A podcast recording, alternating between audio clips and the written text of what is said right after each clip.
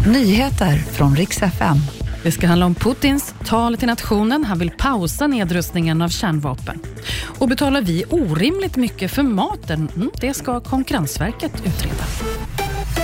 Ryssland pausar avtalet med USA om nedrustning av kärnvapen. Och det här är bara en del av Putins tal till nationen som hölls i förmiddags. Nato har svarat på den delen med att Ryssland borde ompröva det beslutet. I sitt tal lovade Putin också att offensiven mot Ukraina den ska fortsätta. Han anser också, uttryckte han, att det var Ukraina som startade kriget.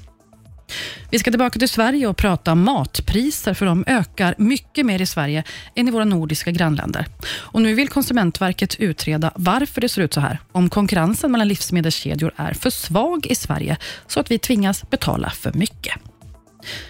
Och så ska det handla om tv-programmet Let's Dance. För första gången i tävlingen så ska nu en kvinna dansa med en kvinna. Och Det är fotbollslandslagets Nilla Fischer som ska delta och dansar tillsammans med Cecilia Erling Danemark.